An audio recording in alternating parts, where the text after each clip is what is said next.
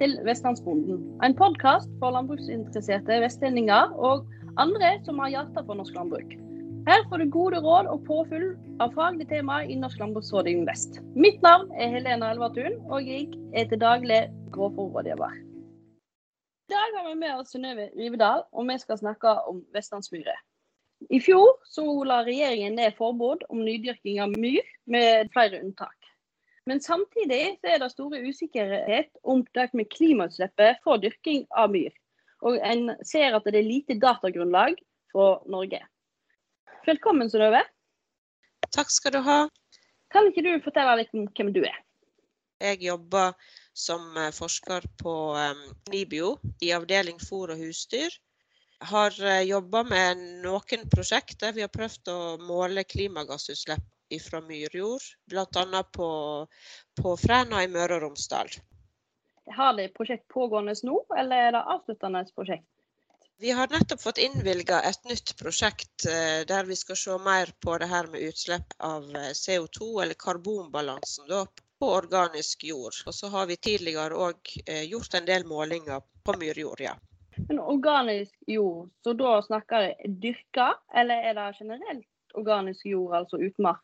Vi har stort sett konsentrert oss om, eh, om dyrka, altså tidligere dyrka myrjord. Så det vi gjorde på Fræna, det var å se på om det var noen forskjell i utslipp av klimagasser fra myr som var dyrka på tradisjonelt vis med, med grøfting, og hvordan utslippene var ved omgraving. Og da ble det omgrevet ei tidligere dyrka myr som var dyrka ved vanlig grøfting. Og så ble det omgrevet ved at en legger mineralmasse fra bunnen inn under torvlaget og legger det på toppen. Og så ble det profilert, sånn at vannet renner av på overflata og ned i eh, kanaler som ligger rundt arealet. Det høres jo veldig omfattende tiltak, men dette er jo da tiltak som har synt og vist seg positivt i forhold til reduksjon i utslipp av klimagasser. Ja, nå har vi på en måte ikke den største utslippet fra organisk jord eller myrjord, det er jo CO2-utslipp. Det har ikke vi gode nok målinger på. Men vi har målt eh, utslipp av lystgass og utslipp av metan. Så når du sier at du ikke har gode nok eh, eh, målinger av CO2, er det utstyret som gjør det, eller er det andre ting som gjør at en ikke får målt det? Det er omfattende å gjøre den klima, altså den karbonbalansen, da.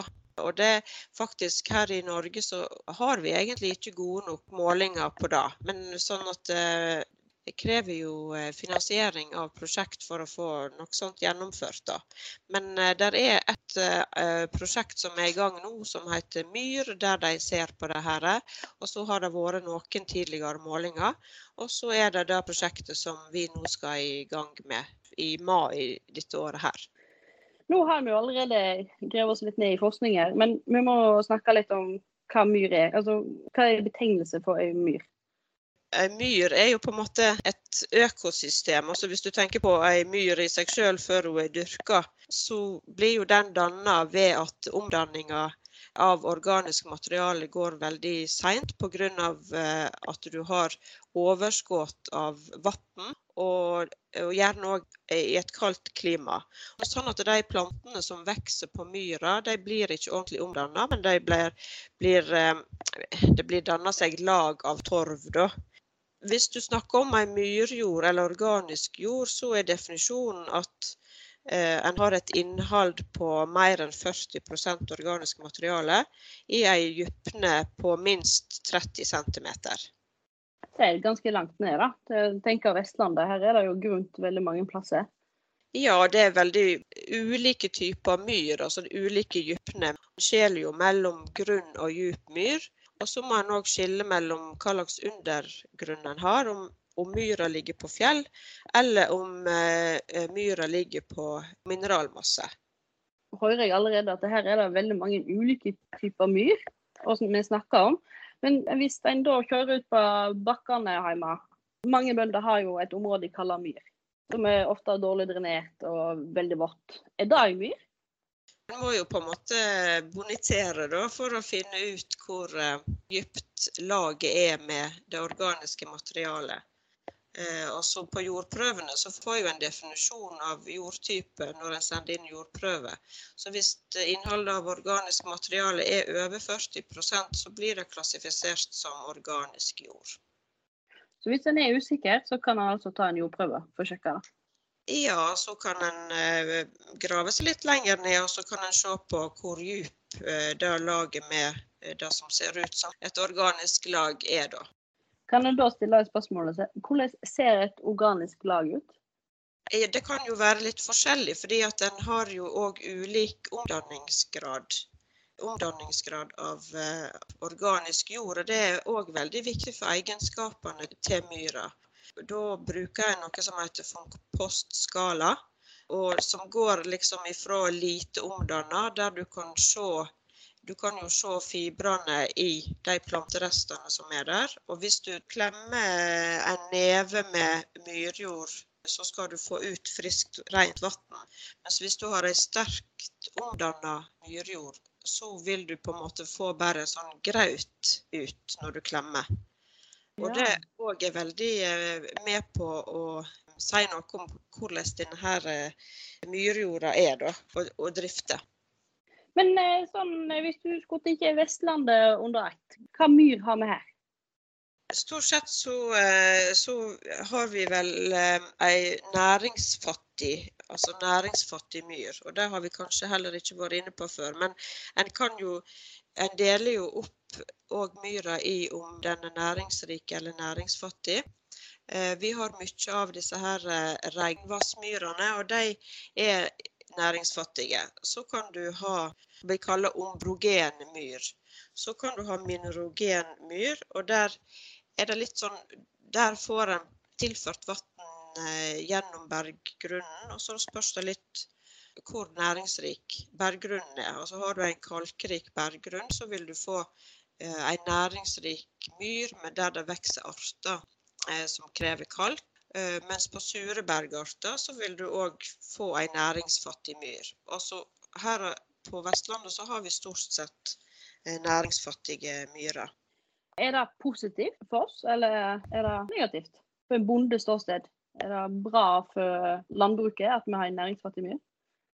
Altså For en bonde som skal dyrke en myr, så vil jo en næringsrik myr eh, frie næringsstoff når den blir dyrka, og når det organiske materialet blir nedbrutt.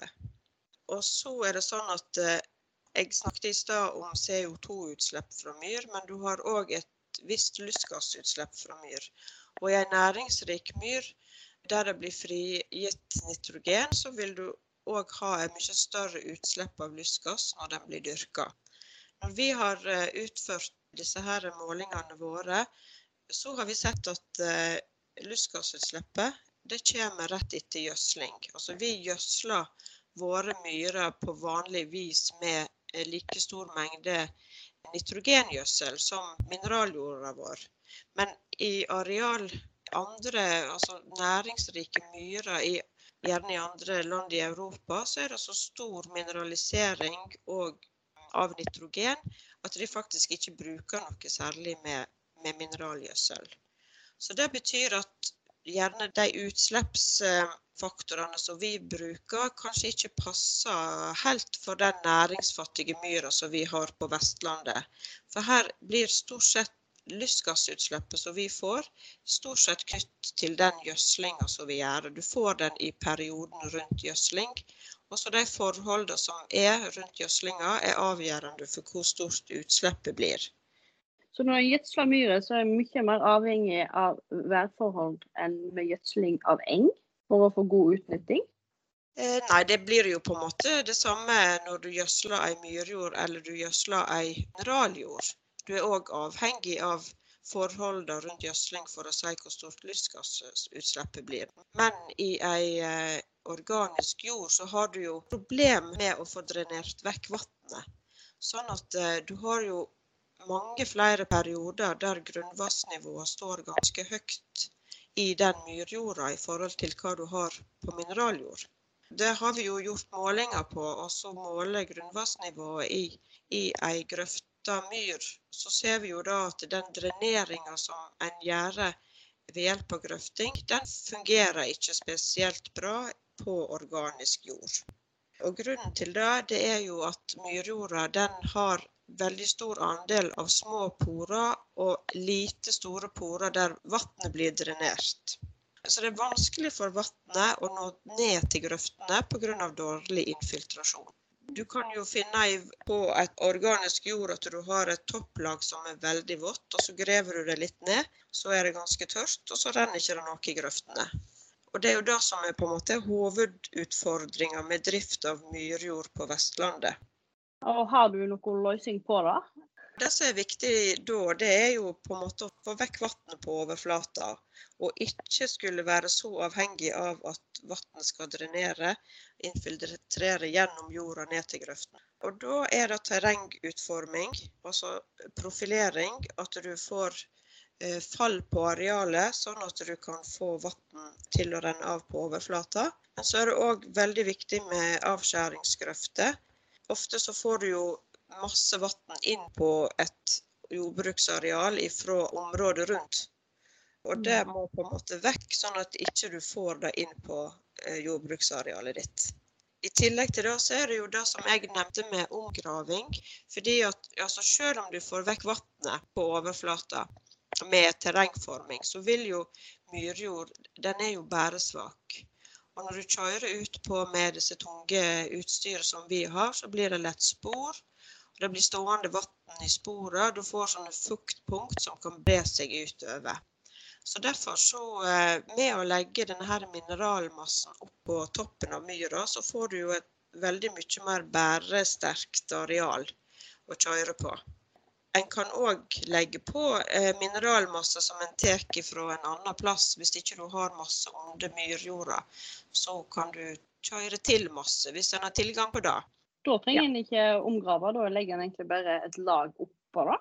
Da legger en et lag på toppen. Men sant, det blir jo eh, En må jo da passe på at det er såpass dypt at ikke du pløyer det ned når du driver med jordarbeiding. Hvor dypt må du ha? Ja, dess tjukkere, dess bedre, men det er jo et kostnadsspørsmål. sant?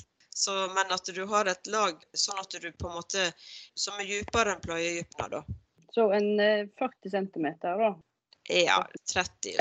En kan jo tenke seg at en ikke skal ha At en fornyer sjeldnere, og at en fornyer ved andre metoder, kanskje, med direkte såing. For Du snakket om isåing, at vi kunne fornye engen på andre måter. Hvordan vil en gjøre det på i myr, da? Altså direktesåing har jo vist seg å være mest effektiv med raigras. Vil raigraset òg eh, fungere fint på myr? En kan jo direkte så med andre arter enn reigras. Det som er, er at en i vårt område så bør en kanskje ikke legge opp til at en skal ha intensiv høsting på myrjordsareal. Eh, fordi at eh, myrjorda hun tørker veldig seint opp. Og spesielt om høsten så vil en ha problemer med å komme seg ut på. Sånn at eh, en bør egentlig legge til et toslåttsystem. Og en, det er jo mulig å direkte så òg eh, timotei, men en må kanskje drive med litt eh, kjemisk plantevern da, eh, for å eh, få dette her til.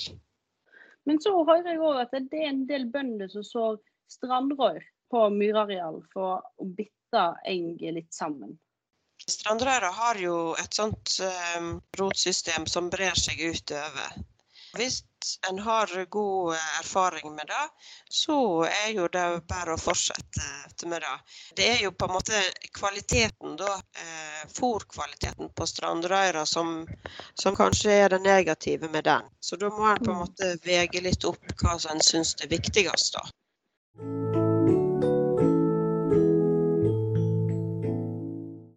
Ja, nå har vi snakka litt om dette med gras. Dyrking av gras på mye jord. Men eh, hvis en f.eks. skulle hatt grønnsaker som gulroter, og ikke pløger, er det mulig? Ja, jeg veit ikke helt eh, hvor bra det er. Altså, det er jo for så vidt eh, god organisk jord er jo på en måte ei god jord til å dyrke gulrot, men, men eh, eh, hvis en på en måte skal se på det her med klimagassutslipp, så, så, vil jeg tro at det er bedre å bruke myrjord til gras enn å dyrke det til sånne ettårige kulturer der du er avhengig av å, å pløye hvert år. Og så pløyer du hvert år, så vil du få en raskere omdanning av det organiske materialet. Og det opplever jo de som eh, driver med dyrking av eh, gulrøtter på, på myrjord, at eh, det går en stund, så er myrjorda oppbrukt, og en må flytte til et annet areal et nytt areal for å starte på produksjonen igjen. Sånn, I klimagassammenheng så, så mener jeg at eh, en bør prioritere å dyrke gras på organisk jord, for der har du eh, Du pløyer ikke så ofte. Og så er jo eng òg binder jo karbon i rotsystemet sitt. Sånn at det, det vil være ganske stor forskjell på karbonbalansen for ettårige vekster og for grasproduksjon på organisk jord. Tror du at eh, langvarig eng er med på å bytte mer karbon enn utslippet av lystgass og metan fra myrjord og CO2? for så vidt? Altså nå, eh, Metanutslippet er i utgangspunktet så skal ikke det være så stort eh, ifra hvis dreneringa fungerer godt på ei myrjord. Og så er det da Eh, CO2-utslippet som eh, vil være det største.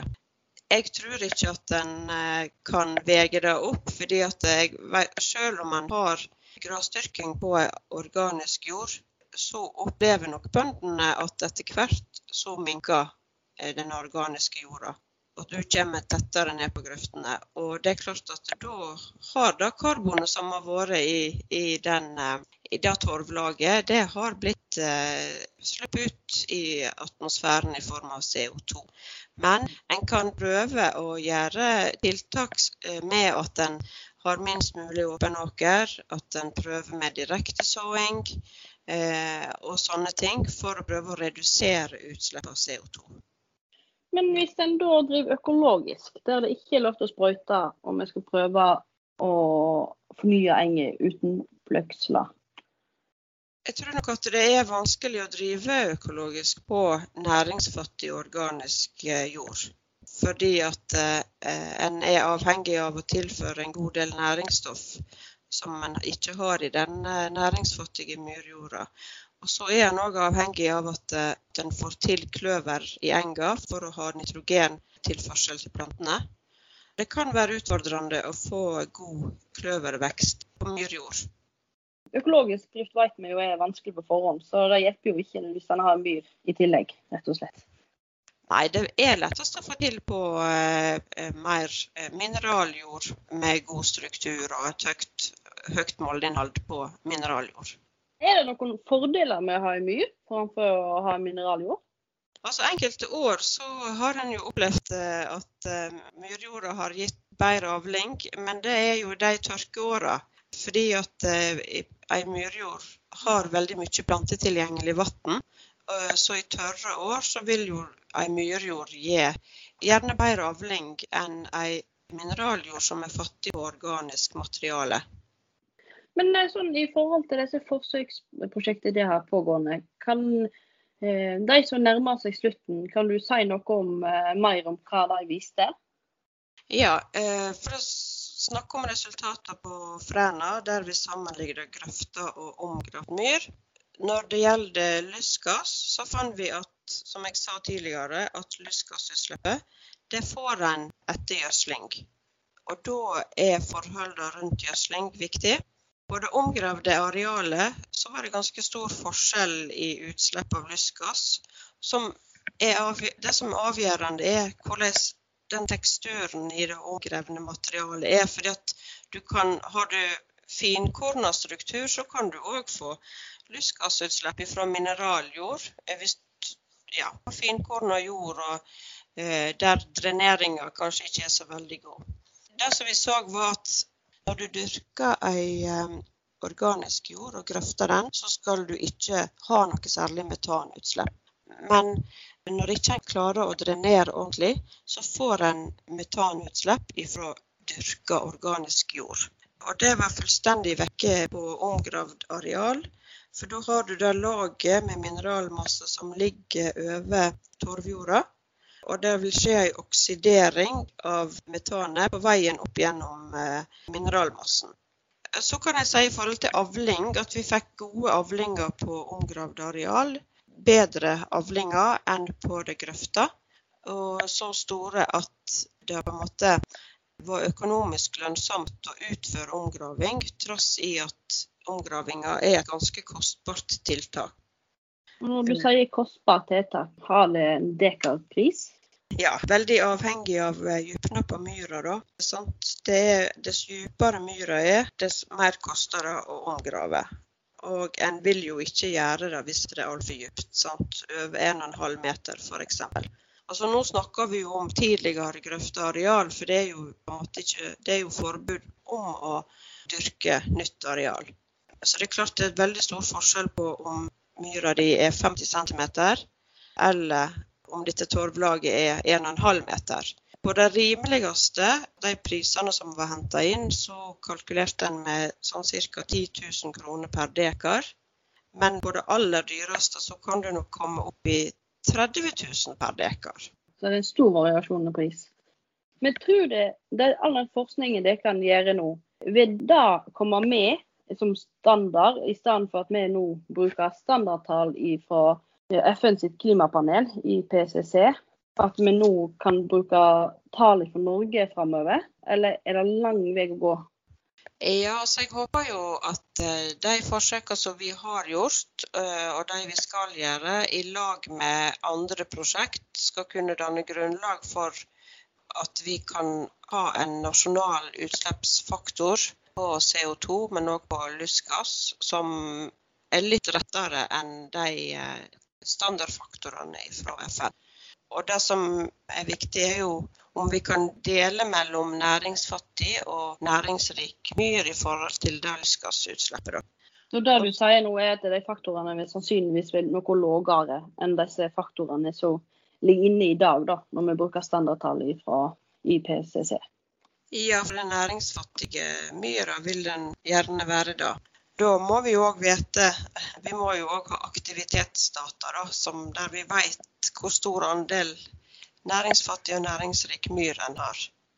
Er det andre land enn Norge som har mye av det næringsfattige myret? Finland har jo jobba veldig mye med klimagassutslipp fra myrjord.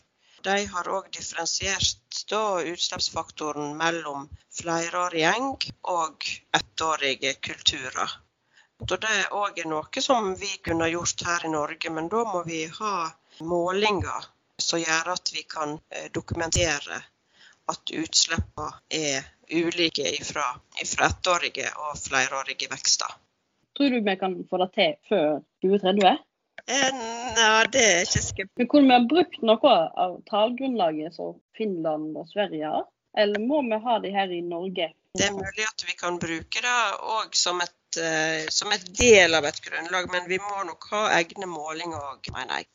Men da er det jo en utrolig viktig jobb det de kan gjøre nå, sånn at vi får mest mulig tall. Men jeg må si tusen takk til deg, Synnøve, som stilte opp. Vær så god. Det var veldig lærerikt for meg iallfall, og jeg tror det var for veldig mange andre òg. I neste episode setter Kolbjørn seg seg på utfordringer ved å starte opp som ny bonde. Det blir intervju med bygningsplanlegger i NLR Vest, Hans Emil Dale, og vi spør Innovasjon Norge om hva støtteordninger som finnes for nye bønder. Så tusen takk for at du lytta på denne gangen, og jeg håper dere hører på oss neste gang òg. Ha det bra!